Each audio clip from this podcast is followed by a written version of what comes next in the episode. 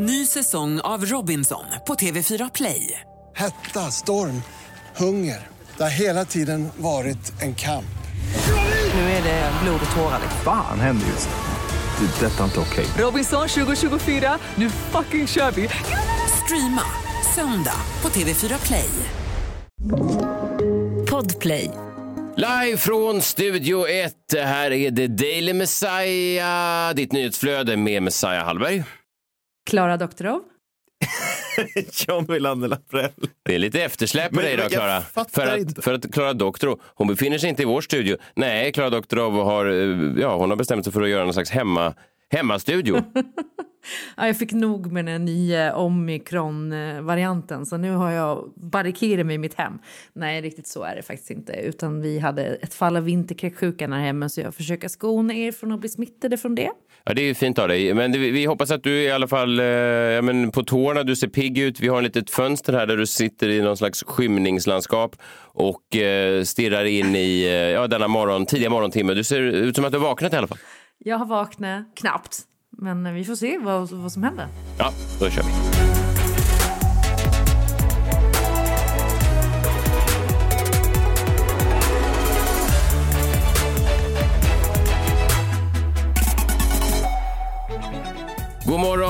God dag och eftermiddag oavsett när ni lyssnar på det här. Ni vet väl att The Daily Messiah är en podd för hela dagen. Till skillnad från många andra poddar som är, ja, kanske man kan höra på dem en gång på morgonen och sen sprängs de framåt förmiddagen. Jag välkomnar er till denna sändning. Det är den 6 december. Ni vet vad man kan eh, säga, va? Eh, man kan så otroligt mycket kul i december. kan man det verkligen? Ja, men i december håller jag med dig. Det är mycket julfester och sånt där. Men du hävdar det här både i november och oktober också. Så jag, jag är inte säker på att du riktigt bottnar i det. Ja, det var ju en hemsk helg på många sätt. Vi kan lyssna på hur det lät. Eh, tidernas rån, tidernas bedrägeri när de jävla skåningarna tog hem guldet i lördags. Och Halmstad kommer inte till avslut. Glenn Nyberg kollar på klockan. Än är det inte dags att blåsa av. Än är det inte dags att blåsa av. Nu är det över! Malmö FF är svenska mästare 2021!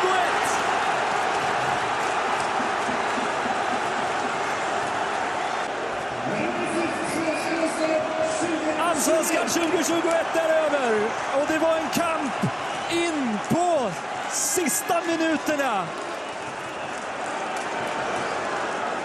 När MFF tar den poäng som var den enda som krävdes i den här matchen. Och på den poängen håller man AIK bakom sig i tabellen och säkrar till 22 ligaguld. Eh, Malmö eh, vann eh, guldet och jag fick något sånt här DM på Instagram där någon sa att måste inte du vara neutral som offentlig person? Måste inte du vara neutral? Och det kan jag säga att Han det tror måste... att det här är Sveriges Radio. Jag vet inte vad han... Framförallt så får väl någon i Sveriges Radio hålla på ett fotbollslag. Det är tror jag inte i och för sig. Det får man väl? Nej, man får inte säga att ett fotbollslag är bättre än ett annat tror jag. Nej, tror du inte? Men jag tror inte man får säga egentligen någonting i Sveriges Radio. Men Erik Niva är ju tydlig med att han håller på Tottenham till exempel. Ja, men han är väl inte på Sveriges Radio? Nej, nej okej, men, Sveriges Radio, men jag jobbar inte på Sveriges Radio. Han menar bara som offentlig person, att ingen offentlig person får hålla på ett fotbollslag. Men det får jag. Jag håller på AIK och de blev då rånade. Malmö då fuskade sig till den här segern eh, av allsvenskan 0-0 i sista matchen och vann på målskillnad. Hade det här varit Italien då, då hade det blivit ett omspel mellan AIK och Malmö, en, en slutlig final då för att se vilka som var bäst. Och hint hint, det var ju då AIK som var det. Eh, och sen kan man, jag ska inte grotta ner mig i det här, men, men eh, matchen innan då mötte Malmö Kalmar och då stod då en Malmöspelare i straffområdet och tog med handen och då var det en blind domare som gav eh, Kalmar frispark istället för straffspark. Och sen minuten senare gjorde Malmö det avgörande målet. Och, äh, skitsamma. Eh, vi vänder oss till någonting lite roligare. På AIKs match på Friends Arena så fick ju då Enok Goitom det avsked som han förtjänade i sin sista match, 37 år gammal, så lyckades han också i matchens sista minut att göra sitt hundrade mål för klubben. Det var i alla fall en jävla härlig känsla på Friends. Sebastian Larsson, liknande läge som han testade skott i första halvlek. Då i muren. Här kommer ett inlägg mot sig! Och där är mål, där är mål! Där är Henok Goitom! Där är tävlingsmål 100 för Henok Goitom!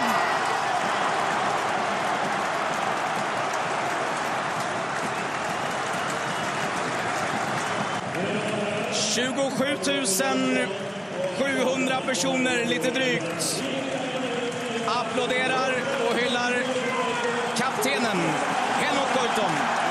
100 mål i AIK-tröjan. Fint ju. 100 mål, sin sista match för klubben. Eh, Det är ju sådär man vill gå ut på något sätt. Ja. Ja, verkligen. Kanske med ett SM-guld hade varit bättre då. Men Jo, jag det, vet. det blev men- ett meningslöst mål i slutändan. Jo, men det är ändå fint. Marcus Rosenberg då i Malmö, han fick ju samma avsked för eh, var det, två år sedan. När han skulle sluta, då gjorde han två mål mot Dynamo Kiev och Rosenberg avgjorde den 96 minuten. Det är sådana här sagor som bara skrivs liksom, som att de är, ja, men som att de är skrivna. Det är fint. Ja, det är fint. Men Rosenbergs var ju lite starkare får man ändå säga. Varför det? Ja, men han, gick, han skickade ju Malmö vidare med, den, med sista målet i kuppen medan Goitams mål var ju meningslöst. Ja, det var ungefär bara lite. Jag menar bara att vi hoppas att vi en dag, den dagen någon bär ut oss från den här studien, att vi får samma typ av avsked. Så att man får kanske dra in sin, Hur skulle det se ut att du bara lägger en frispark här i studion? nej inte en fotboll, alltså en motsvarighet. En motsvarighet, inte en frispark såklart. Vi spelar inte fotboll, jag menar en motsvarighet. Till exempel att Klara får berätta till exempel om årets, kanske årets julklapp då en sista gång. ja, jo. Det, det ser jag fram emot. Vilket sagoslut. Årets julklapp historiskt. Har du hunnit testa någon julklapp där mitt i vinterkräksjukan? Vet du vad, jag har faktiskt gjort det. Ska vi lyssna på hur det lät? Det kan vi väl göra. Vi ska vi tydligen med varje dag fram till julafton då så eh, har du då testat en av de här julklapparna som har utsetts till årets julklapp genom åren av Handelns utredningsinstitut. Och vi har hittat några gamla godingar som faktiskt har fått lite nytt liv. Wokpannan är ju populär nu igen tack vare ditt inslag förra veckan. Och även mössan såg jag flera personer i, i helgen som hade på sig. Ja, jag såg också det. Om den har kommit tillbaka verkligen, det är härligt att se. vad, vad har du testat eh, i, idag? Ja, men idag så blickar vi tillbaka till året 2001, detta underbara år. Och såklart årets julklapp som var verktyget. Okej, Klara Doktorov här. Eh, idag så har jag gjort en liten eld ute i trädgården där jag bor. För jag tänker att jag skulle elda lite bråte. Och vad passar bättre då än att testa årets julklapp 2001, verktyget. Eh, och eh, dagen till ära då så har jag hittat en såg i min källare. Jag vet inte vad det är för typ av såg. Vad de kallas, om det är en figursåg eller bandsåg. Alltså jag fick inget bra betyg i i eh, eh, slöjden tyvärr.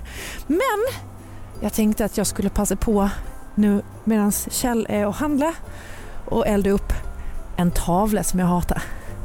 Som han har ropat hem på auktion. Okej, då testar vi sågen här då. Åh nej. Åh, du ska såga. Det går segt. Det var ingen eh, särskilt vass såg det här.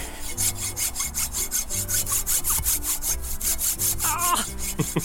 Ja, okej.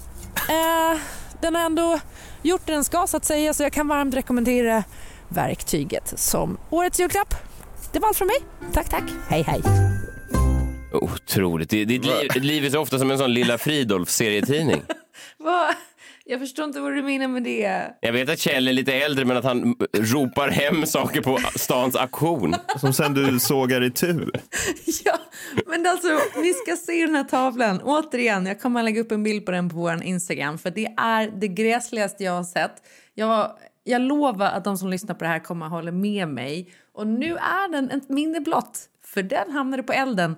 Han blev inte särskilt glad, men, eh, men jag tycker att det är mer problematiskt att jag säger här att eh, jag tror att jag har en bandsåg. För att eh, jag lä- läste på sen vad en bandsåg var för någonting och det är en sån här jättestor maskin. Ja. Det är alltså inte en sån jag har utan det är en sån här liten såg som, med en båge så som man brukar se folk bryter sig in och ut ur fängelser med. Just det, förr i tiden då när Kjell var ung. Men eh, Var det så han kom ut? jag såg bara framför mig, du vet den här auktionen när Emil ska till Katthult på auktion och ropar hem någon som porslinsvas. Innan de slåss med Bulten i Bo. Men ni, ni ska bara veta hur många auktioner jag har varit på med den här gubben. Det är osannolikt.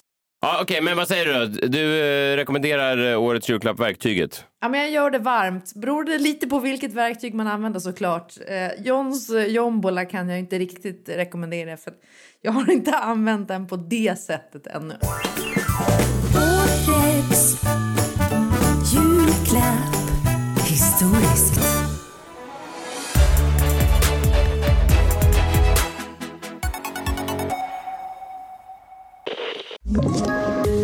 Poddtips från Podplay.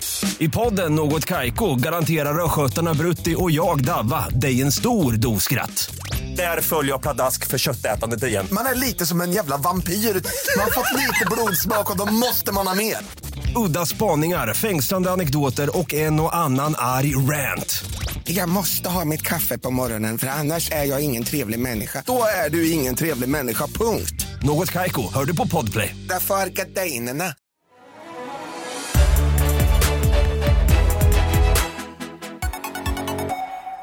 På tal om eh, jombolan, har du den eh, redo? Mm, ja. Ja. Eh, har du förberett någonting? Ja. Ja, du har legat i så att säga i helgen? Nej. Inte? Nej. Men du har svettats kring jombolan? Nej. Du och jombolan. Men, ni, åh! ni har... Kom närmare, kom närmare, var inte rädda. Allt kan hända, allt är möjligt när vi spelar på vår jombola.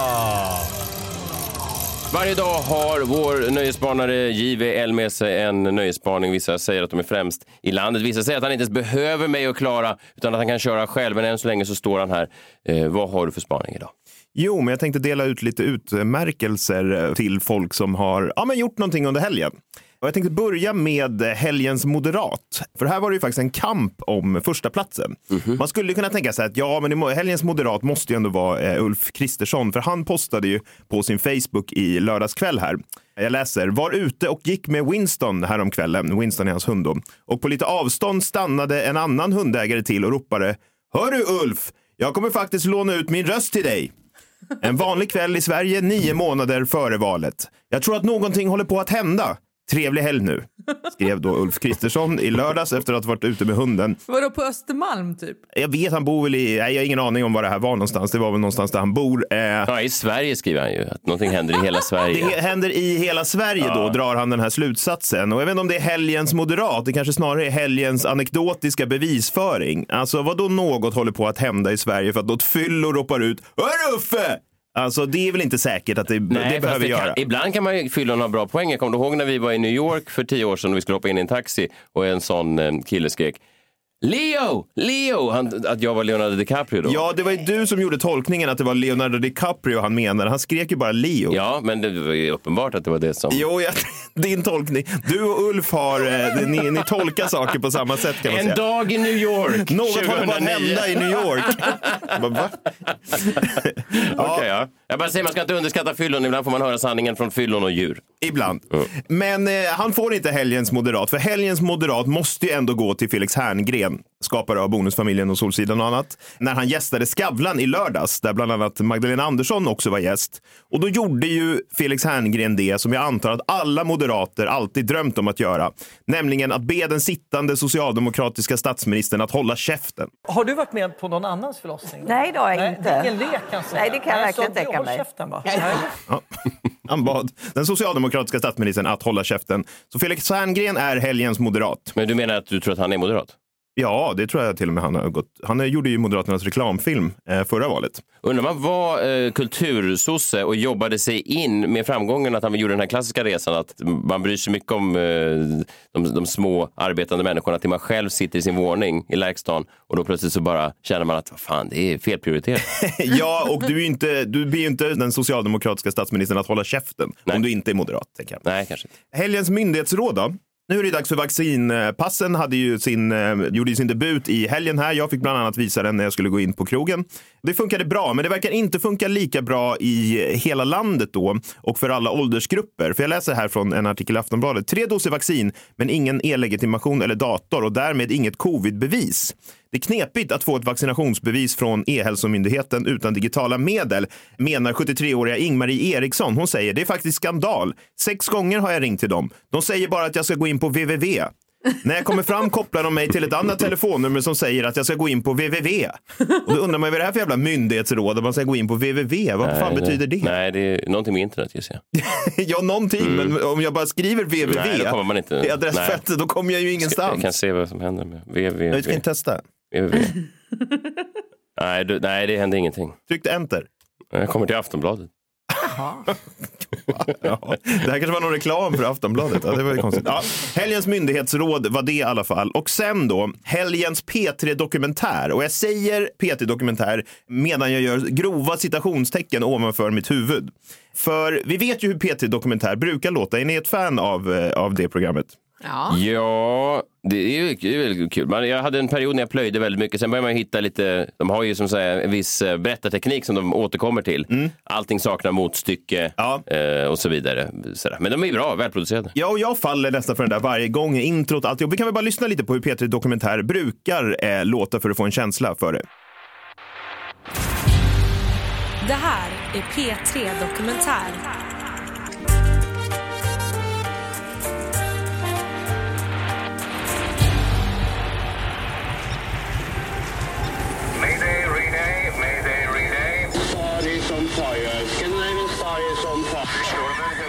En av de svåraste fartygsolyckorna någonsin i europeiska farvatten inträffade tidigt i morse när bil och passagerarfärjan Scandinavian Star fattade eld i Skagerrak på väg mellan Norge och Danmark.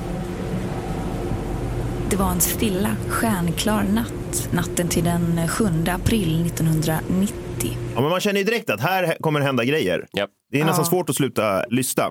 Så där har jag alltid sett P3 Dokumentär. Men så dök det upp en ny P3 Dokumentär i helgen. Eller P3 Nyheter Dokumentär som det kallas. Och jag tycker att det här avviker lite från normen. Vi kan väl lyssna på en minut från avsnittet som släpptes i helgen. Det här är P3 Nyheter Dokumentär. Den 27 oktober 2021 så släpper Bianca Ingrosso sminkföretag Kaja Cosmetics sin första julkalender. En julkalender full med smink. Och förväntningarna är skyhöga. Man ser ju på typ så här, trackingen att den, när den ungefär kommer komma. Det har man ju lärt sig. Kalendrar för 36 miljoner kronor säljs. Men när fansen får hem sina paket blåser plötsligt en enorm kritikstorm fram. Kritiken mot Kaja Cosmetics julkalender fortsätter och nu kan P3 Nyheter berätta att antalet anmälningar hos Konsumentverket är uppe i 49 stycken. Du lyssnar på P3 Nyheter Dokumentär om julkalenderkaoset och näthatet mot Bianca Ingrosso. Men vad fan. I- Tack, jag checkar ut nu. Jag är klar. Mi- mi- Min, min tid här är klar.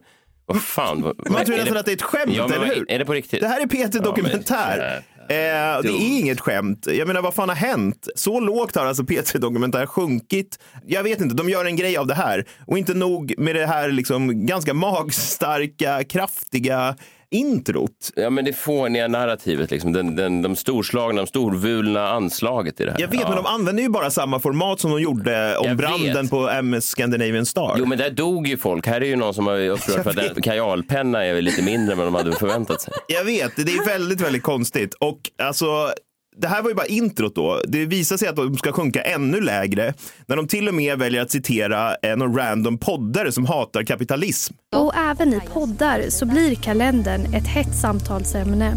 Komikern Messiah Hallberg döper ett helt avsnitt av sin podd The Daily Messiah till Kaja, det tjuvaktiga sminkmärket. Man vill ju inte vara en sån kapitalisthatare, men såklart att det finns någonting när man vet att eh, Bianca Ingrossos målgrupp är eh, som sagt ganska unga, ofta barn. Ja. Eh, och sen så får de då en kalender som deras föräldrar skrapar ihop till. Och sen bakom lucka 13 så finns det då en liten eh, rabattkupong på ytterligare produkter. Alltså, såklart, att det, såklart att det kan väcka irritation. Men det finns även de som försvarar Bianca. Ja, några som inte hatar kapitalet. Och kvinnor. Men vad fan, vad skojar Var det här på riktigt? Det är på riktigt. Är jag med i P3-dokumentären om Bianca Ingrossos julkalender? Så lågt har det sjunkit, förstår du? vad fan är det som pågår? Det var i och för sig, nu kanske jag... Ja. Ändrar du dig lite nu om nya P3 Dokumentär? Nej, men jag tycker att ändå de fokuserar på viktiga röster i samtiden, va? Eh, ja, nåväl. Jag måste ändå få säga att det är ju lite som när vi pratade om att... Eh, ja, men när du pratade om att Margot Dietz fick intervjua Svenonius, att det är vårt eget fel att det här är samhället vi har skapat. Nu skördar vi ju Ja. alldeles frukter. Det är så jag känner när man hör det här i P3 Dokumentär. Ja, vad säger du Messiah om att Klara drar den eh, liknelsen? Det är väl, eh, nej men det är väl absolut, du har ju helt rätt i att hänvisa till den professorn som sa det. Att, eh, nej men det här är ju frukterna, det är ju det här samhället vi får, vi kommer, det här kommer bara bli värre. Vi har ju liksom stått vid sidlinjen och låtit det här pågå i, i, i ett decennium nu. Men jag menar bara att vi håller på att urholka det som var viktigt och kärnfullt och betydde någonting på riktigt för massa skit. Ja, nej, men jag håller med och därför utser jag det här till helgens P3 Dokumentär med inom grova citationstecken då. Till sist, på tal om Bianca, så ska hon ju tillsammans med sin assistent Lovisa Vorge starta ett nytt företag.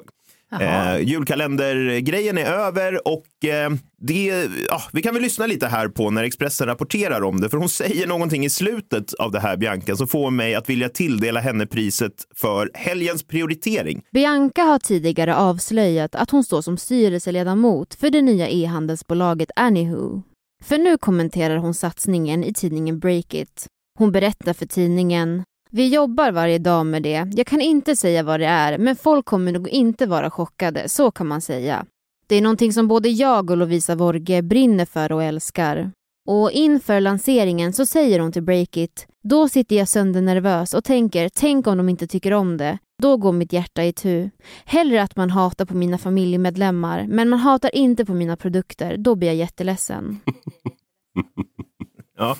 Varför låter de en robot läsa upp nyheterna? Det är, också lite, det är det samhället vi har fått. I framtiden. Robotsamhället. Ja. Eh, nej, men Bianca får pris för helgens prioritering när hon ber folk att lägga om hatet bort från hennes produkter och mot hennes familjemedlemmar.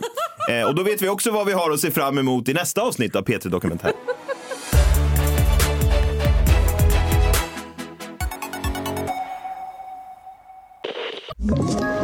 Ett poddtips från Podplay.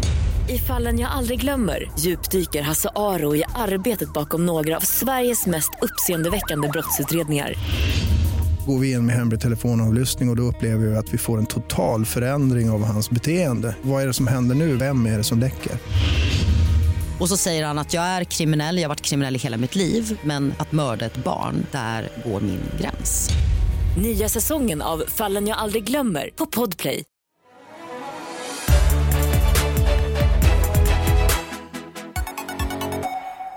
Man ska vara tydlig med att om du avfärdar dokumentären, det är du ändå överens om att eh, det fanns viktiga röster ändå. I det fanns delar av, av dokumentären P3 om Biancas julkalender som ändå var, alltså, man kunde ta del av och få ut någonting av. Det var det du sa ändå. Om jag läste mellan raderna där att du sa att Nej, det, det sa fanns han ju inte. viktiga aspekter av det. Nej, alltså det var ju inte vad jag sa alls kan man säga. Nej, Utan men- jag satte den ju mer inom grova citationstecken då, dokumentär. Ja, men du tyckte ändå det var kul att jag äntligen hade kommit med i en P3 Dokumentär. Det var ändå det som jag tog med mig så att säga. Ja, men det tyckte jag var kul. Sen vad det liksom innebär i, en, större bild av samhället, det låter jag vara osagt. Eh, Sen tog de ju inte heller upp anledningen till att jag döpte det till Kaja. Det, tjuv- det var, ro, skämtet var ju att Kaja är en fågel som var tjuvaktig. Det var det som var skämtet. Inte att jag, Ja. hon, hon, hade ju misstolkat mitt skämt. Usel journalistik. Jo, jo, men det, kommer, det, det blir väl ett nytt avsnitt då i helgen. Åh, åh. Messiah rasar efter att P3 Dokumentär har missförstått hans skämt, som så många andra.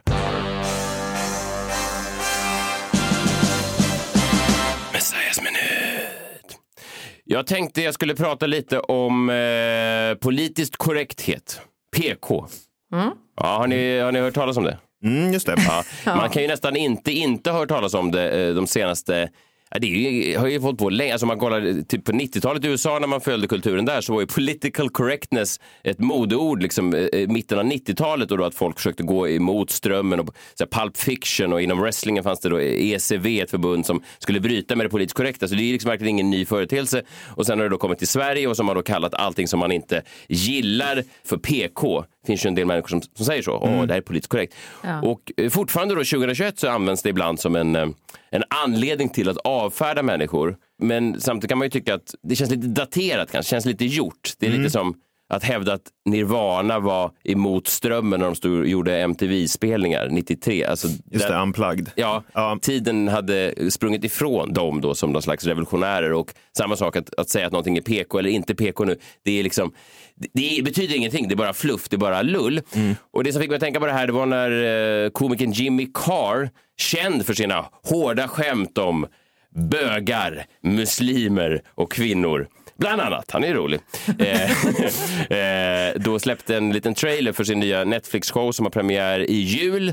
Och då följdes eh, hans klipp av kommentarer från folk som sa att hmm, trist Jimmy, där tappar du mig som ett fan nu när du har gått hela vägen politiskt korrekt. Let's talk about the controversial thing, the vaccine. Who's not going to take the vaccine because they think it might be dangerous? Raise your hands.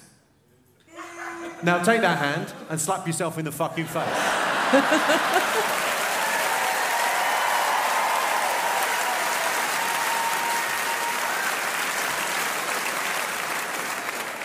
Do you hear that? That was the voice of fucking reason, wasn't it?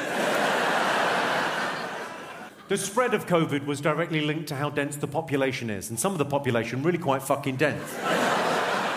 Då har han nog fått massa sådana anti-vaxxers eh, emot sig som säger att jag gillade dig i 10 år Jimmy, jag gillade dig i 15 år, men nu, politiskt korrekt, nu är det över. Och det där har ju drabbat eh, Louis CK och Bill Burr och så fort Bill Burr skriver någonting om Black Lives Matter, ah, trist att vi har förlorat dig till The PC Brigade. Jag tyckte du var härlig när du skojade om kvinnor och eh, homosexuella tidigare, men numera inte okej längre. Jag tycker, jag bara önskar att man skulle kunna uppdatera sin ordbok lite grann. Ja, jag förstår, för man kan väl också göra både och. Alltså man kan väl skoja om eh, svarta och vara för att man tar vaccinet. Ja, det borde man kunna göra. Det finns ju något som heter Godwins law som är då att man förlorar debatten så fort man nämner Hitler. Till exempel om du, om du eh, argumenterar på sociala medier med någon som är kanske på högerkanten och så säger man det här är precis som Hitler. Då är liksom diskussionen över för då har man förlorat eh, Ah. diskussionen för att man har gått så långt. Jag skulle nu vilja införa Hallbergs law. Hallbergs law innebär att så fort man nämner någonting, eh, man avfärdar någonting som politiskt korrekt för att man inte håller med om åsikten, så har man förlorat. För att det, det, är, så, det är enfaldigt. Va? Men det här lagrummet börjar bli allt bredare, för det är också kvinnohat fick man inte heller säga här för några episoder sedan enligt Hallbergs lag. Nej, nej, det, det är det är kvinnohat och, och PK då. Ja, och de två går, kanske inte går ihop. Eller är, är, är kvinnohat, är det PK också? Ehm, nej. Det borde det inte vara va? Nej. det borde det ju inte vara. Nej. Nej, det är ju Nej, inte just, PK nej, för du alls. menar ju att PK är också är någon slags stoppord. PK borde vara... Nej, nej det är motsatsen. Nej, men att kvinnohat är ett stoppord. PK är luft, det är fluff, Ja, det är ingenting. Nej, jag som- förstår. Men det- båda ska in i lagrummet. Båda ska in under Hallbergs law. Har du pratat med några andra domare om det här? Nej, jag hittade ett eh, roligt vax-skämt till. Det har ingenting med någonting att göra, men jag vill bara spela det för det var lite roligt. Did they check your guys' vax cards when you guys came in? Vax up! They're doing that everywhere now. It's nice. I like it. I went into a place and I accidentally I showed them my library card. And he was like, this is a library card. This is not a proof of vaccination. And I was like, yeah, but it is.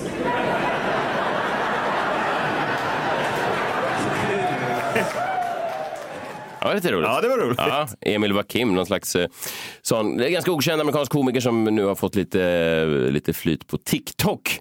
Ja. Det är där komikerna föds numera. TikTok. Just det.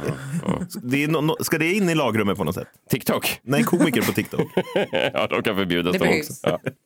Nu kanske folk sitter där hemma och tänker, ah, nu har Hallberg blivit PK. Jag vet ju hur det funkar. Ah, nu är Hallberg PK. Det, tack Hallberg för dina tjänster inom komedins tecken. Men numera har vi förlorat dig till det, äh, det PC Brigade. Ja, då ska jag eh, göra någonting som inte är PK då. Jag ska, jag ska utse helgens två godhetssignalerare. Okej, okay, ja. Det gillar de ju, anti-PK-killarna, och hitta folk som godhetssignalerare. Ja, just det. Ja, det är så, sant. så du vill inte pissa den här hemlösa i munnen? Åh, du är en sån godhetssignalerare. Här står vi ett gäng grabbar som bara är redo att pissa den hemlösa i munnen. Jag har Men ju du pissat.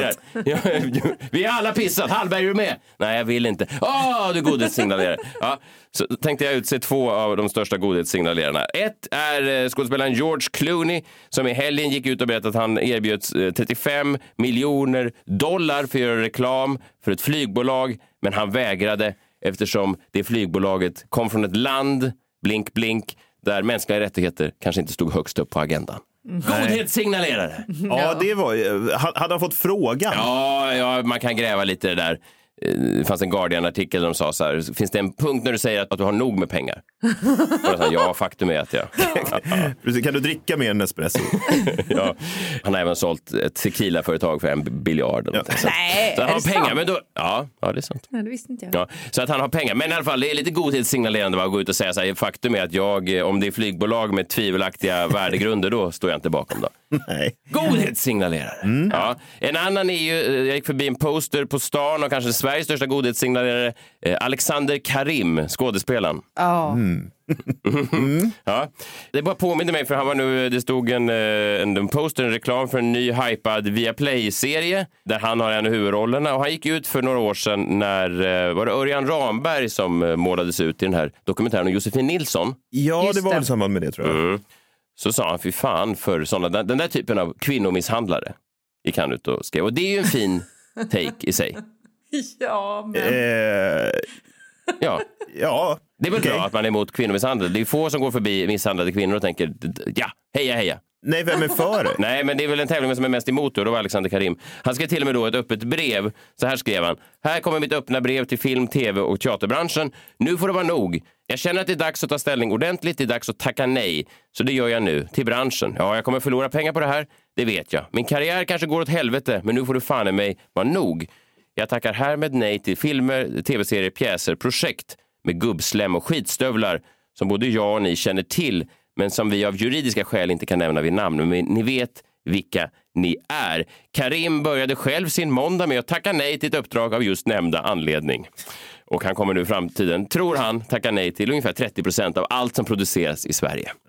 Nej men Ja. gud. Ja, det här sa han för några år sedan eh, och han har säkert goda avsikter. Han gjorde det främst då för sina barns skull. Eh, Om de frågar om några år, pappa vad gjorde du? Eh, Då skulle jag i alla fall kunna säga, vet du vad? Ja, jag kanske är helt arbetslös idag. Min karriär är helt borta. Men det är för att jag sa någonting. Pappa jobbar bara 70 procent och det finns en anledning. Ja. Och jag sa då redan då att det här låter lite som godhetssignalerande. Va? Eh, För att nu är ju så att säga proppen ur. Va? Eh, När någon redan har lagts lynchad framför Dramaten så är det ju inte jättemodigt att säga ja, det där tänker jag inte jobba med.